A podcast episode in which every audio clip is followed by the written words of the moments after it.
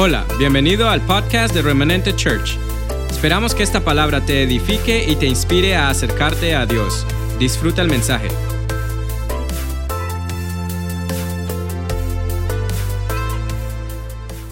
¿Listo? Así que diga conmigo, se vale soñar. Otra vez, vamos, diga conmigo, se vale soñar.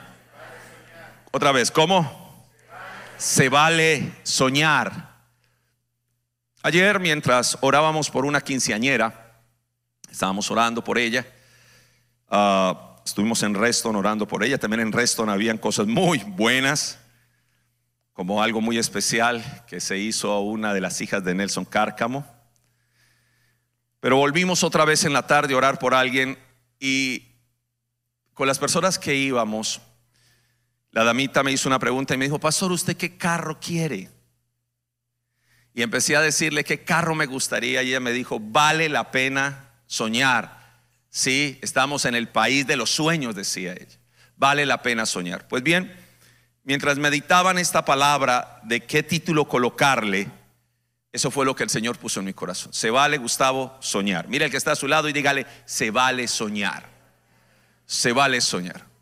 En algún momento, cuando usted ha soñado, el sueño ha sido tan tremendo que usted lo ha sentido real, que usted dice, Dios mío, qué cosa tan real. Es más, usted se despierta sudando o algunos dando puño, ¿qué le pasó? ¿Qué sucede con usted, verdad? Porque el sueño fue muy real. Algunos dicen, se soñó con la suegra y dice, ay Señor, gracias a Dios, fue un sueño. Pero, no, de verdad, pero algunas veces, ¿verdad? Soñar.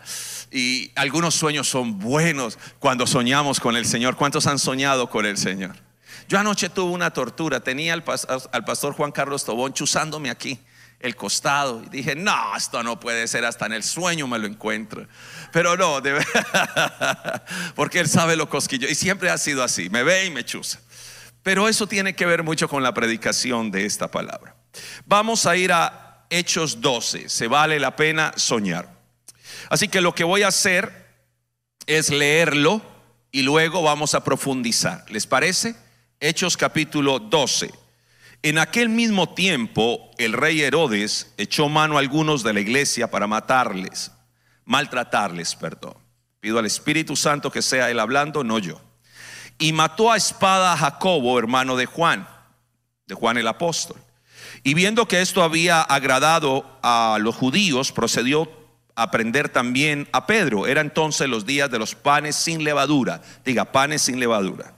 Y habiéndole tomado preso, le puso en la cárcel, entregándole a cuatro grupos de cuatro soldados cada uno. Cuatro por cuatro. Dieciséis personas para un hombre, imagínate, para que lo custodiasen. Y se proponía sacarlo al pueblo después de la Pascua, de los panes sin levadura. Así que Pedro estaba custodiado en la cárcel, pero la iglesia, diga conmigo, hacía, hacía sin cesar oración a Dios por él. Palabra sin cesar allí la palabra kenos, que quiere decir como cuando usted ve un gato estirarse. ¿Usted ha visto un gato estirarse? No dice, donde yo haga eso, ahí quedo. O a un perro estirarse. ¿Usted lo ha visto? Eso mejor dicho. Porque habla de eso, de extenderse hasta donde más se pueda. Esa palabra sin cesar. Y cuando Herodes iba a sacar le iba a sacar. Aquella misma noche estaba Pedro durmiendo entre dos soldados, sujeto con dos cadenas, y los guardas delante de la puerta custodiaban la cárcel. Y aquí se presentó un ángel del Señor y una luz resplandeció en la cárcel y tocando a Pedro en el costado le despertó diciendo, levántate pronto. Y las cadenas se le cayeron. De, ¿Dónde lo tocó? ¿Dónde me tocaba el pastor? Bendito Señor. Y le dijo el ángel, ciñete y átate las sandalias. Y lo hizo. Y le dijo, envuélvete en tu manto y sígueme. Y saliendo le seguían porque no sabía que era verdad lo que hacía el ángel, sino que pensaba que veía una visión. Habiendo pasado la primera y la segunda guardia, llegaron a la puerta de hierro, diga puerta de hierro, que daba a la ciudad, la cual se abrió por sí misma Y salidos pasaron una calle y luego el ángel se apartó de él. Entonces Pedro, volviendo en sí, dijo, ahora entiendo verdaderamente que el Señor ha enviado su ángel y me ha librado de mano de Herodes y todo lo que el, que pueblo de los judíos esperaba. Y habiendo considerado esto, llegó a casa de María, la madre de Juan, el que tenía por sobrenombre Marcos, que por ahí acompañó en algunos viajes misioneros a Pablo, donde muchos estaban reunidos, ¿qué estaban haciendo? Cuando llegó Pedro a la puerta del patio, salió a escuchar una muchacha llamada Rode, la cual, cuando reconoció la voz de Pedro, de gozo no abrió la puerta, sino corriendo adentro, dio la nueva de que Pedro estaba en la puerta. Y ellos le dijeron, está loca. Pero ella aseguraba que sí era. Entonces ellos decían, es, una, es su ángel. Mas Pedro persistía en llamar y cuando abrieron y le vieron, se quedaron atónitos. Pero él haciéndoles con la mano señal de que se callasen, le contó lo que el Señor, que el Señor lo había sacado de la cárcel y le dijo, haced saber esto a Jacob y a sus hermanos. Y salió y se fue a otro lugar. Luego que fue de día, hubo no poco alboroto entre los soldados sobre que había, sobre qué había sido de Pedro. Mas Herodes, habiendo buscado sin hallarle, después de interrogar a los guardas, ordenó llevarlos a la muerte. Después descendió de Judea a Cesarea y se quedó allí. Amados, ah, todo esto tiene un contexto. Voy a arrancar desde el inicio y vamos a irlo desarrollando. Lo primero es que eh, en este momento había ya muerto Esteban como mártir en manos de Saulo. Y se iba a dar el primer golpe certero contra los apóstoles e iba a morir Jacobo, hermano de Juan. A partir de allí se crea una, una gran zozobra porque, Dios mío, están muriendo los apóstoles. Y paralelo a ello, también toman preso a Pedro. O sea que no solamente matan a Jacobo, sino que también toman preso a Pedro. Pero cuando le toman preso, lo toman en un contexto, en la fiesta de los, de los panes y levadura, en la fiesta de la Pascua, en un pesaj, en una fiesta de siete días. ¿Recuerda esa fiesta? Esa fiesta es la fiesta de libertad.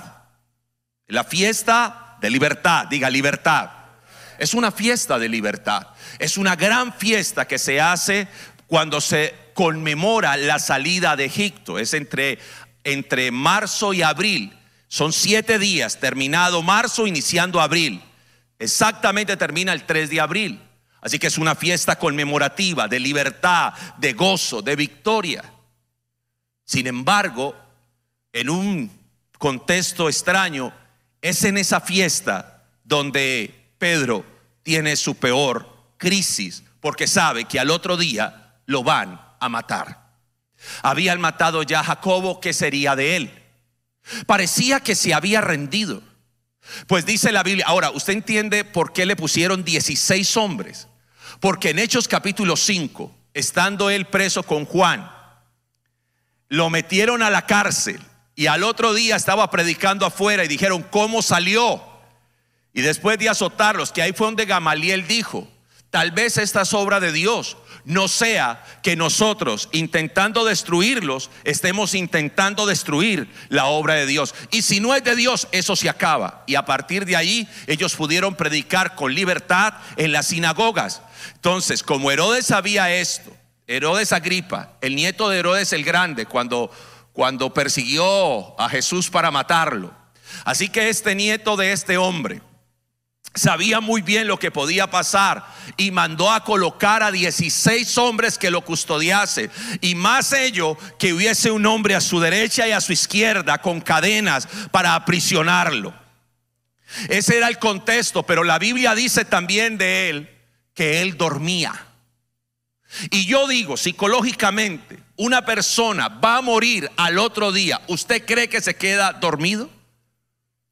¿Cuál era la condición del Pedro que caminaba sobre las aguas? ¿Cuál era la condición del Pedro de Hechos 5? Que si usted lo lee, era una, una perspectiva totalmente diferente. Pero la Biblia, escuche esto, nunca quita nuestra humanidad. Y así como se vale la pena soñar, también se vale el estar triste en algún momento o afligido o, sentir desmayar porque lo hemos sentido y esto no quiere que no quiere decir que no amemos a Dios. Esto lo que me quiere decir es que somos humanos. Pero a veces esa parte no se muestra. Jesús en el Getsemaní dijo, mi alma está angustiada hasta la muerte. Le dio una hematoidrosis, empezó a reventar sus vasos sanguíneos por el estrés que tenía.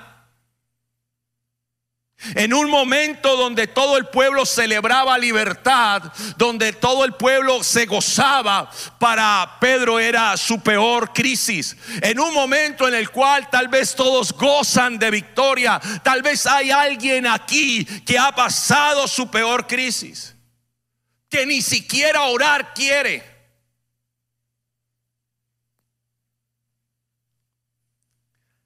Pero cuando Dios quiere traer algo en la vida de una persona, inicia de adentro hacia afuera.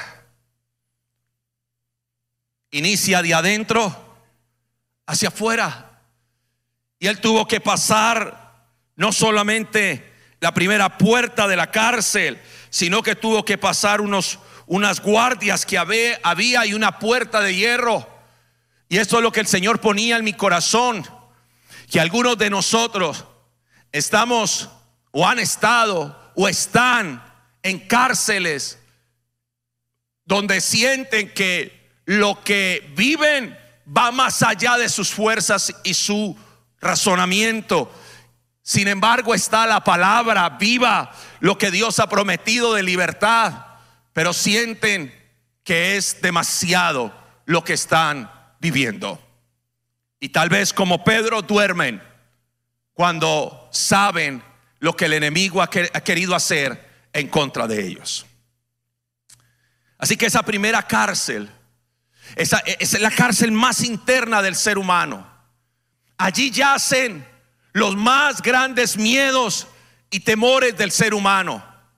Que por fuera podría reír, pero por dentro tiene miedo, es vulnerable, temeroso.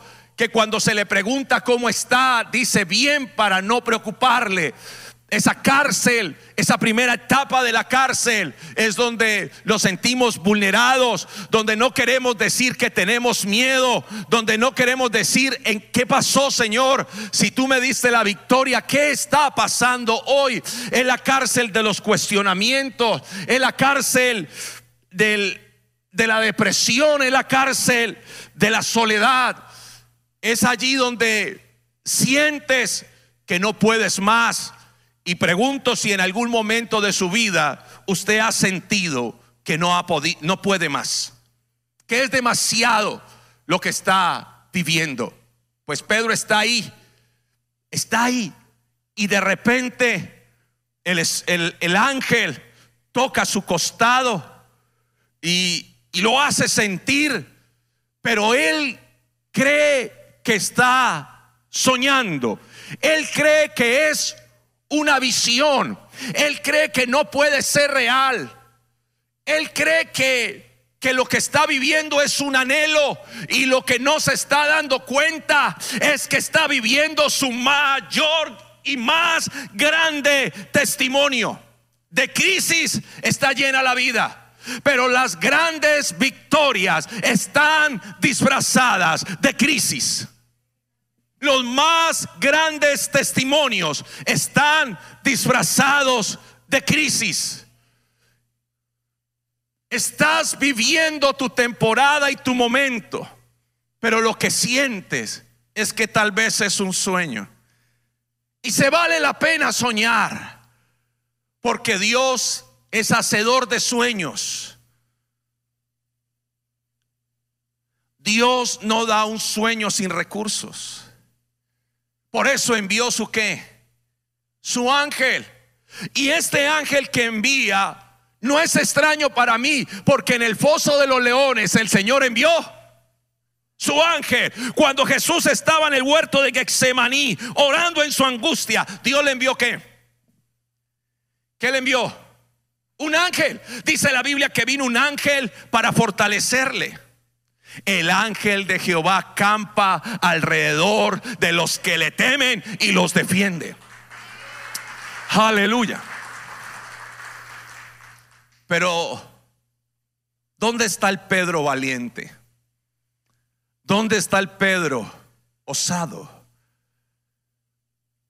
Ahora vemos a un Pedro humano, como usted y como yo. Un Pedro batallando lo que es el temor a la muerte.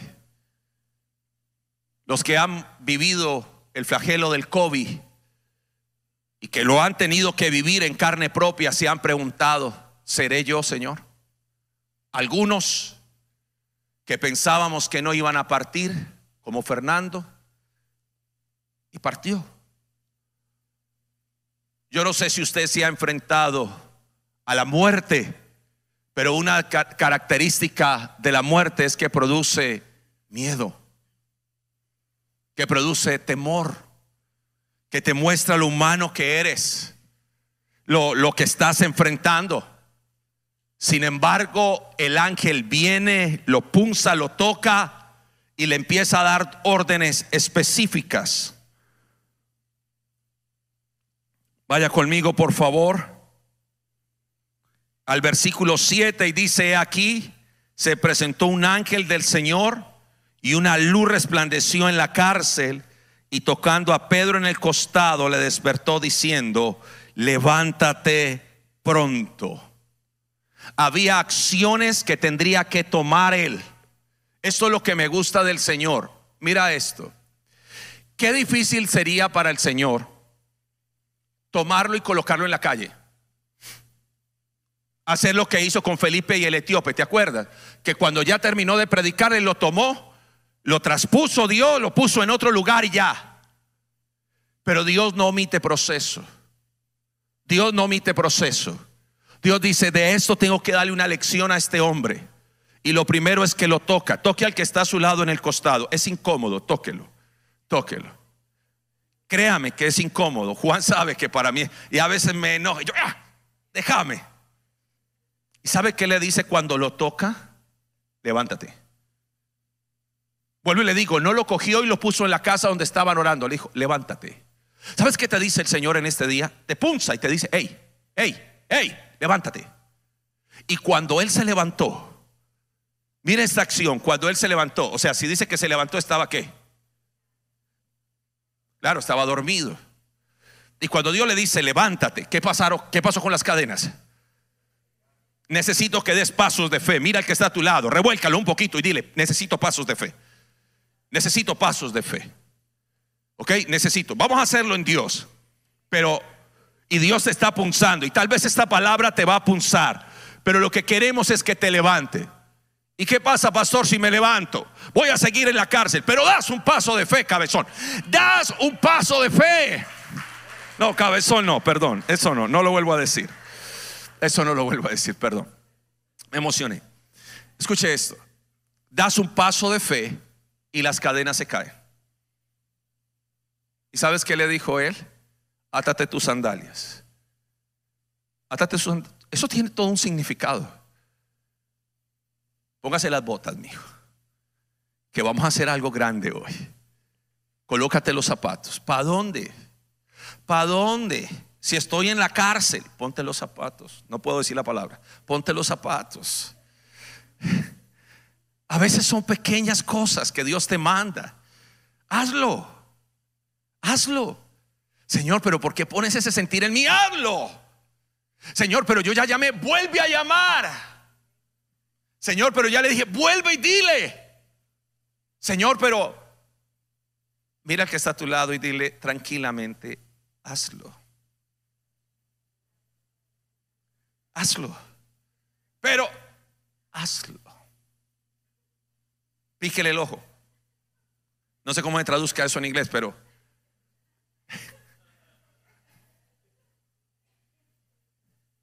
hágalo. Hágalo. Haga esas pequeñas cosas que el Señor le dice. Coloque esa siembra, llame a esa persona, haga eso. Y de repente le dice, y cuando él se, se, calza, le dice, colócate tu manto. ¿Sabes qué quiere decir eso? revístete de tu autoridad.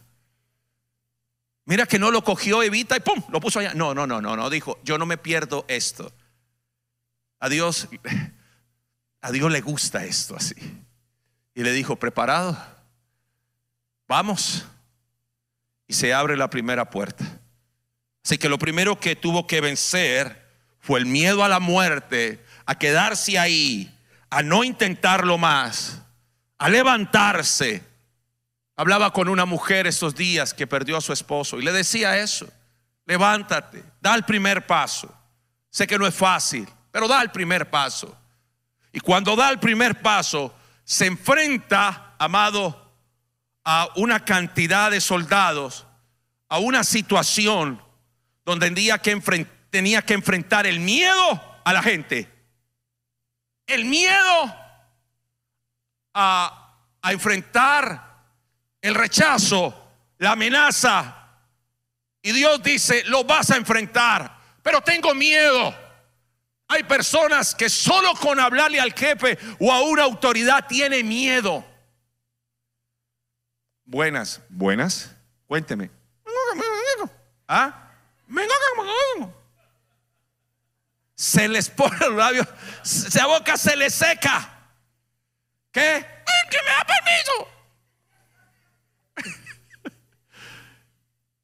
Y lo, lo, próximo es que tiene que pasar en medio de 16 menos 14 hombres. Tiene que pasarlo. Y esta es la segunda etapa de esto. Estamos en medio de un sueño real. Pero no era un sueño, era una realidad total. Y le dije, ahora vamos a enfrentarlos. Yo sé que en sus fuerzas no puede, pero en el nombre de Dios tú eres más que vencedor. Yo sé que no, yo sé que abruma. Me llama una mujer y me dice, pastor, a ver, una paisa, pastor.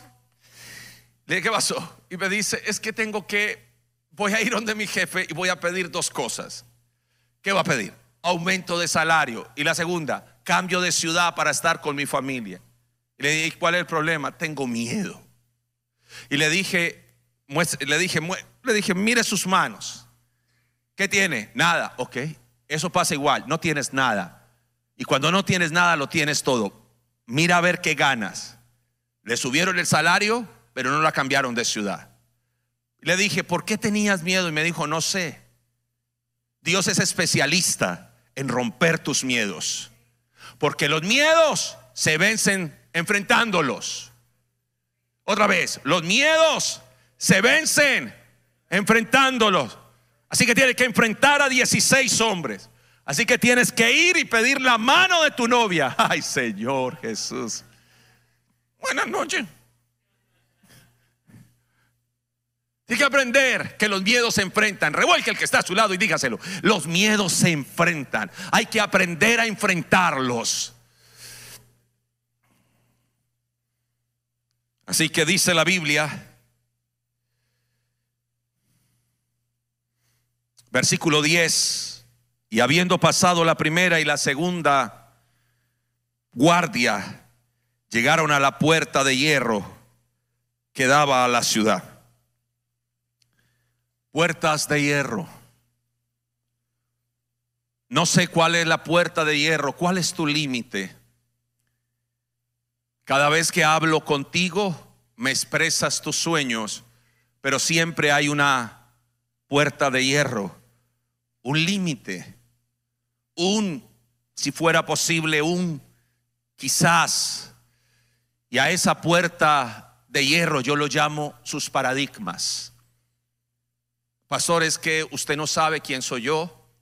Pastor, es que sí, pero, pero pues yo no tengo esa capacidad. Esa puerta de hierro que siempre has tenido enfrente, que siempre te faltan cinco pesos para el bus, que, que, que siempre llegas ahí, pero te encuentras con ese muro y prefieres devolverte y no decirle a nadie, pero enfrentas una puerta de hierro la puerta de hierro es un límite que tu padre y tu madre te puso.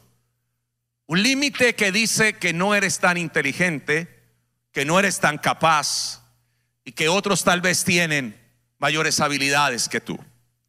Una puerta de hierro que lo especifica la Biblia como una puerta muy grande, algo más grande que tú. Algo que ha sido que ha sido que es la razón por la cual tantos reprocesos en tu vida. Tú vienes saliendo, pero en ese salir muchas veces has querido devolverte y quedarte allí. Pero esa puerta de hierro, tienes que llegar ahí. Lo interesante, lo que profetiza la Biblia, es que la puerta de hierro se abrió como una puerta automática, como algo automático. Porque dice la palabra que una vez llegó a esa puerta, la puerta se abrió. Lo que me hace entender, ¿usted nota el texto que no dice que la puerta se abrió antes? Usted nota el texto que dice que Moisés se paró en las aguas y hasta que no dio ese primer paso, no se abrió. ¿Está aprendiendo? ¿Sabe qué se está diciendo Dios? Hazlo. Hágale. No, Señor, abre la primera. Hay gente que para siempre está esperando que todo esté a su favor para tomar una decisión. I'm sorry. Así no se puede. A veces tomar una decisión te costará lágrimas. Salir de tu comodidad. Señor, cuando tenga todo, monto la compañía. no es así. Señor, cuando tenga todo, me caso. Hasta el sol de hoy. Pregúntele a los matrimonios cuando se casaron qué tenían. Bueno, no, yo no iba a decir eso así, pero yo no iba a decir eso así, pero ¿qué tenían? ¿En dónde durmieron la primera noche? Bueno, no, eso no. Vamos a seguir con la palabra en este momento. Escuche esto. Puertas de hierro. ¿Cuándo se abren? ¿Antes o cuando estás ahí? Y estando ahí tienes que qué? ¿Qué tienes que hacer? Tienes que ¿Qué pasa con una puerta que está cerrada y es automática? Si no te paras ahí, esa cosa no se abre. Y empieza uno, ¿por dónde se abre? Párate ahí. Me compro un café. Viro mejor para acá. Me, me compro un café en Bogotá y le digo a la niña, ¿es con leche lactosada? Lactose free. Y me dice la rolita así, mentirosa. Y empiezo yo con un cólico en Miami, chupados. Y yo, Señor, un baño, Señor, un baño. Caminé tanto hasta que encontré uno vacío, aleluya. Cuando entré se llenó. Cuando, bueno, llevaba pañitos y todo, no vaciaba.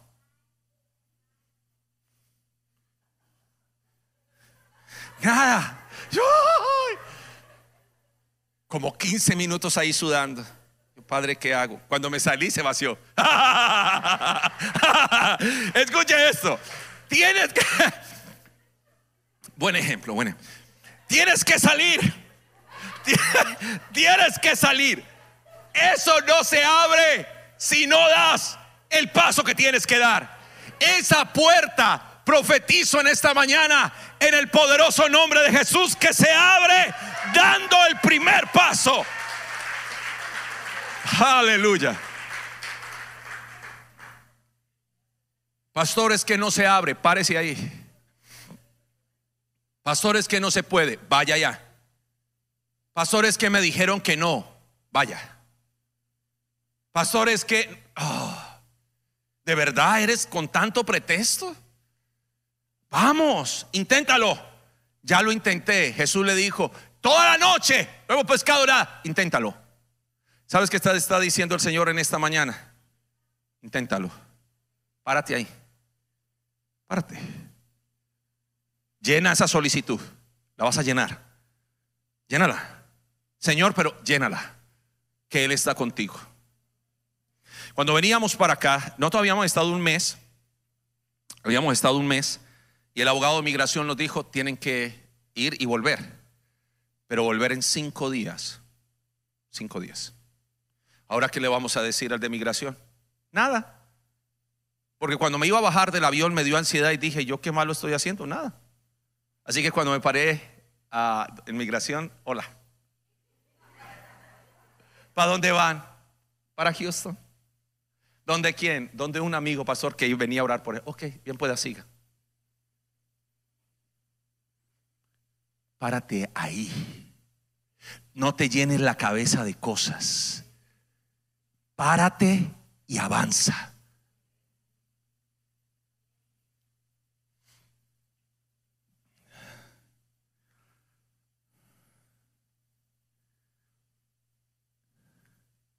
Dice la Biblia en el versículo 10, habiendo pasado la primera y la segunda la segunda guardia llegaron a la puerta de hierro que daba a la ciudad, la cual se abrió por sí misma, y salidos pasaron una calle, y luego el ángel se apartó de él.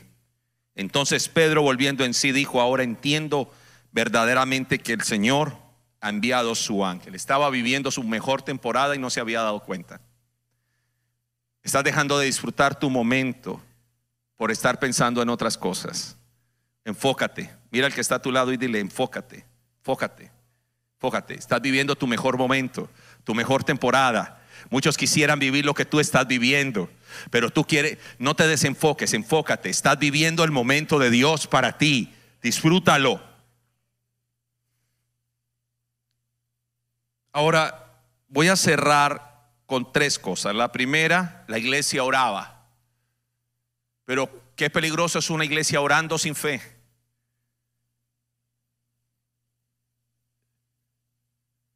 Muchas veces ora, Señor, y yo te creo. ¡Ay, yo te creo! ¿Y de verdad le crees? No. Están orando para que Dios liberara a Pedro. Dios libera a Pedro y cuando él llega a la puerta, toca, sale Chloe. ¿Chloe es que se llamaba? Roe. todos tenemos una Roe en la iglesia.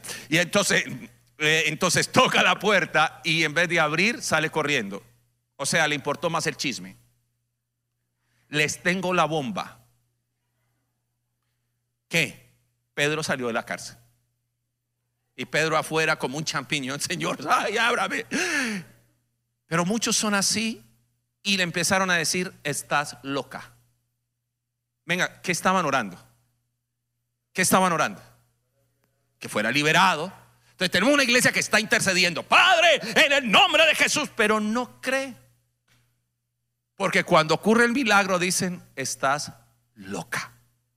Ese es un ángel guardián de él. Ángel de mi guarda, mi dulce compañero. Ah.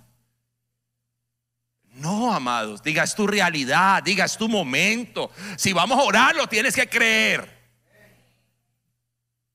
Señor, ve, perdón, es que Señor, pastor, ¿qué? Ore por mi hijo. ¿Y qué pasó con su hijo? Lo que sea. un ejemplo. Eh, que tiene problemas de droga. Ok, vamos a orar. Señor, gracias porque tú le produces asco cuando quiera consumir ese vapeo, ese, e, esas drogas. Amén. Amén, pastor. Ay, sí, pastor, siga orando por él porque de verdad, vea, qué muchacho tan... ¿Para qué me pone a orar si usted no cree? Bueno, eso es en Colombia. Aquí, aquí es diferente. Aquí es otra. Ay, Dios mío. Si vamos a orar, mira al que está a su lado y dígale, revuélcalo y dígale, si vamos a orar, vamos a creer.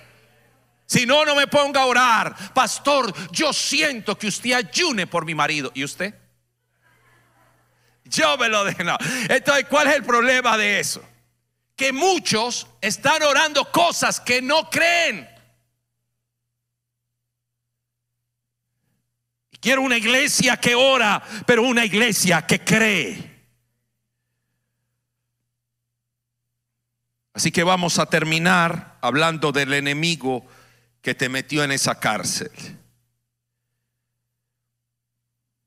Dice la Biblia en el versículo 21 de Hechos 12, y un día señalado, Herodes, vestido de ropas reales, Hechos 12, 21, se sentó en el tribunal y les arengó.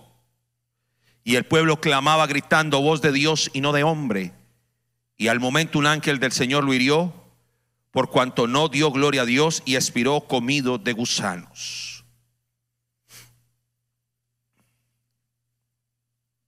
Eso le pasa a todo demonio, pues la Biblia dice que su cama, cama de gusanos es.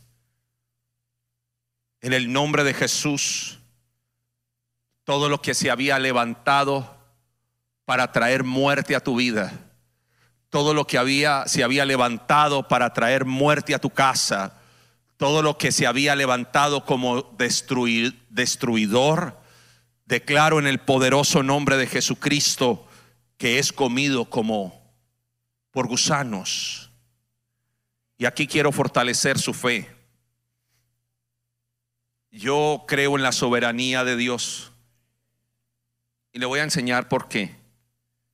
Porque a Jacob lo mataron, pero a Pedro lo liberó. ¿No podía hacer lo mismo con Jacob? ¿No le era a Dios también importante la vida de Jacob? Que murió Jacob, pero a Pedro lo dejó vivir. Quiero enseñarle algo, diga soberanía. Dios es soberano. Y usted y yo tenemos nuestros días en Él. Y usted no va a morir antes. Porque usted partirá con el Señor el día que Él quiera. Y hay quien nació y al mes murió. Hay quien nació y al día murió. Hay quien nació y a los 20 murió, a los 40 murió, a los 50 murió. Y hay quien tiene 90 y sigue vivo porque Dios es soberano.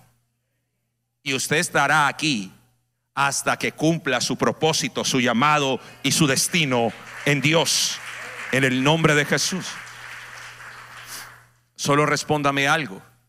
Si hoy es su día, sale de aquí, no quiera Dios eso, muere, ¿a dónde va usted? ¿A dónde va? La mayoría de personas que le he preguntado no saben dicen, pues, no, usted tiene que tener la convicción. Y si usted hoy necesita convicción, usted dice, pastor, quiero que ore por mí, yo quiero tener la convicción, ¿a dónde voy? Yo quiero saber que si muero hoy, me voy con el Señor. Venga, le enseño cómo es eso. Cierre sus ojos, cierre sus ojos. Ahora ábralos. Es tan real como eso. El día que usted muera, cerrará sus ojos aquí y los abrirá ya. Los abrirá ya. Así tan rápido como se lo estoy diciendo. Porque algunos temen que, que sentirán. Tranquilos, lo único que sentirá es eso. Que usted los cierra aquí y los abre allá. Murió el, el miedo a la muerte. No le tenga miedo a la muerte. Prepárese para ello. Y dígale, Señor, gracias. Y mientras estoy aquí, cumpliré mi propósito. Que se abran las puertas, que se abran las rejas, que te levantes en Dios y levantes tu llamado. Yo quiero trabajar, yo me vine dejando la iglesia en Colombia porque yo creo en esta iglesia. Y por años oramos esto de que pudiera estar aquí. Ahora estoy aquí con el pastor Juan Carlos y la pastora Eliana y con mi esposa Jessica. Y yo estoy aquí porque le creo a este proceso, porque le creo a esta iglesia. Así que, chuse el que está a su lado, por favor, aquí, púnselo, púnselo y dígale, es contigo. Diga, es contigo. Ah, es contigo. Así que por favor, colóquese los zapatos, colóquese las botas, que hay que hacer iglesia. Amén. Hay que hacer iglesia. Así que en el nombre de Jesús, no sé dónde estás y en qué temporada estás de tu vida, pero hoy se vale soñar. Quiero que sueñes en grande, quiero que sueñen esta iglesia en grande y vamos a hacer iglesia juntos. En Colombia se demoraron un mes para empezar a llamar del programa, aquí un día, aquí un día, allá esperé un mes cuando al mes recibí la primera llamada y luego eso no paró nunca. Aquí solo un día y empezamos a recibir las primeras llamadas diciendo a la gente, ayúdenos.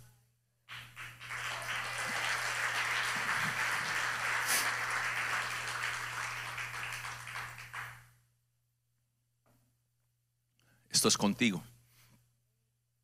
Tiempo de despertar. Tiempo de levantarte. Y tiempo de salir de la prisión en que estabas metido. Una prisión de miedo, de descrédito, de desánimo, de temor, no sé.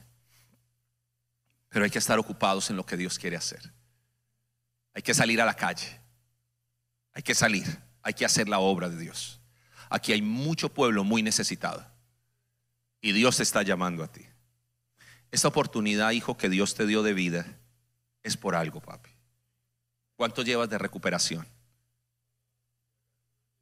Un año ya. Wow. Ven acá, oro por ti.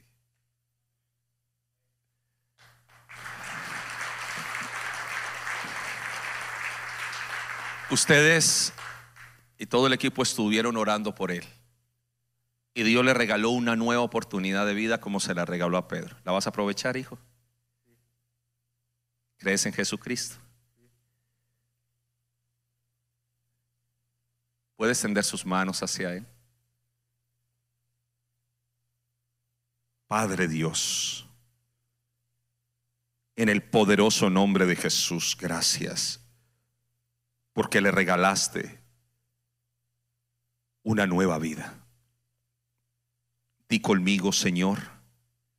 Repite esta oración conmigo, Señor.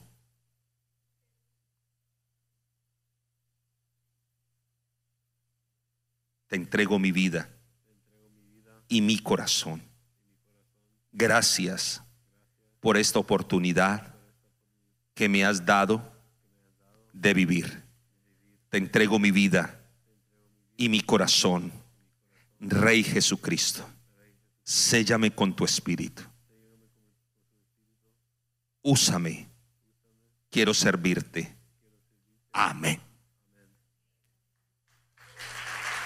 Muy bien, papi. Puedes pasar.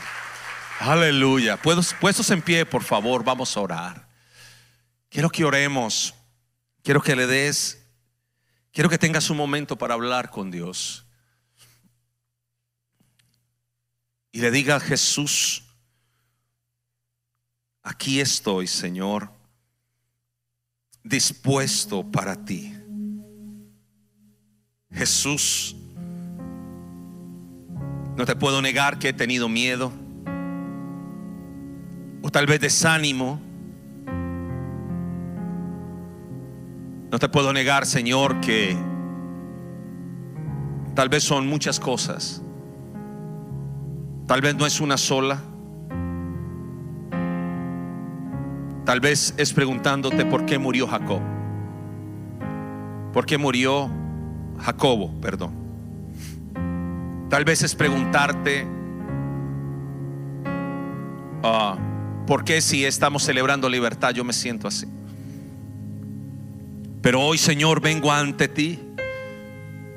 Y tu palabra es viva y tu palabra es poderosa.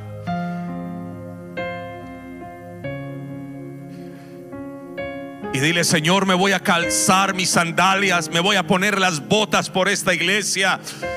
Nuevamente tomo mi manto, mi ministerio, mi llamado, mi propósito.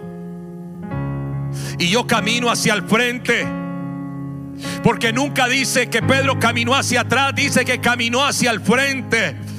Y me paro en esa puerta de hierro, en esa puerta en la cual he estado muchas veces, pero por el descrédito, por el miedo, no he dado ese paso.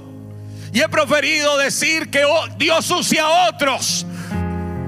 Pero Dios te quiere usar a ti. Dios quiere hacerlo contigo.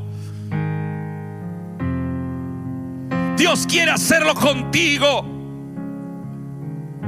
No es solamente un sueño. Se vale la pena soñar porque no solamente es un sueño, es una realidad. No niegues lo que Dios quiere hacer contigo, tu temporada, tu momento, tu llamado.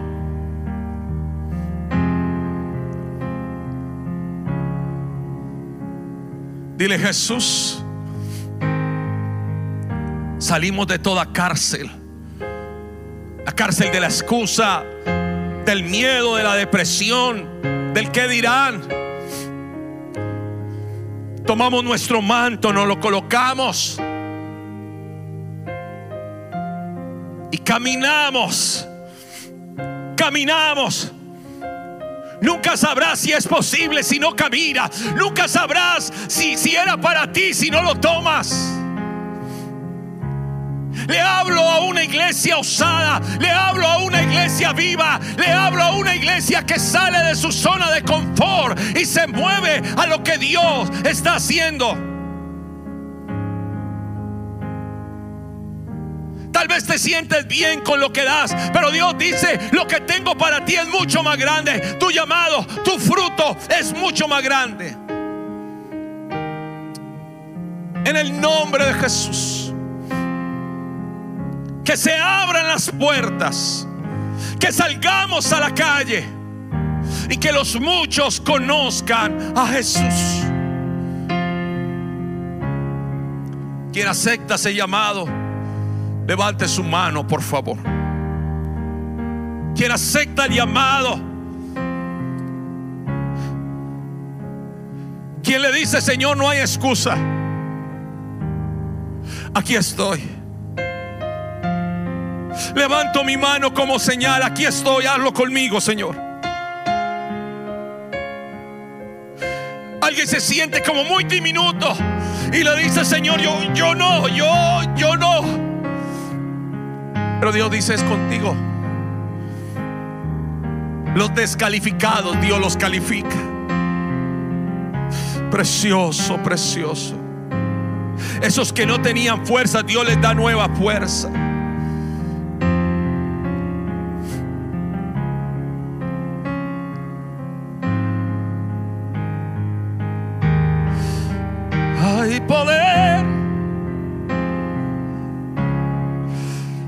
Te da la capacidad para vencer. Jesús, vienen ángeles y te fortalecen en esta hora, a ti y a tu familia.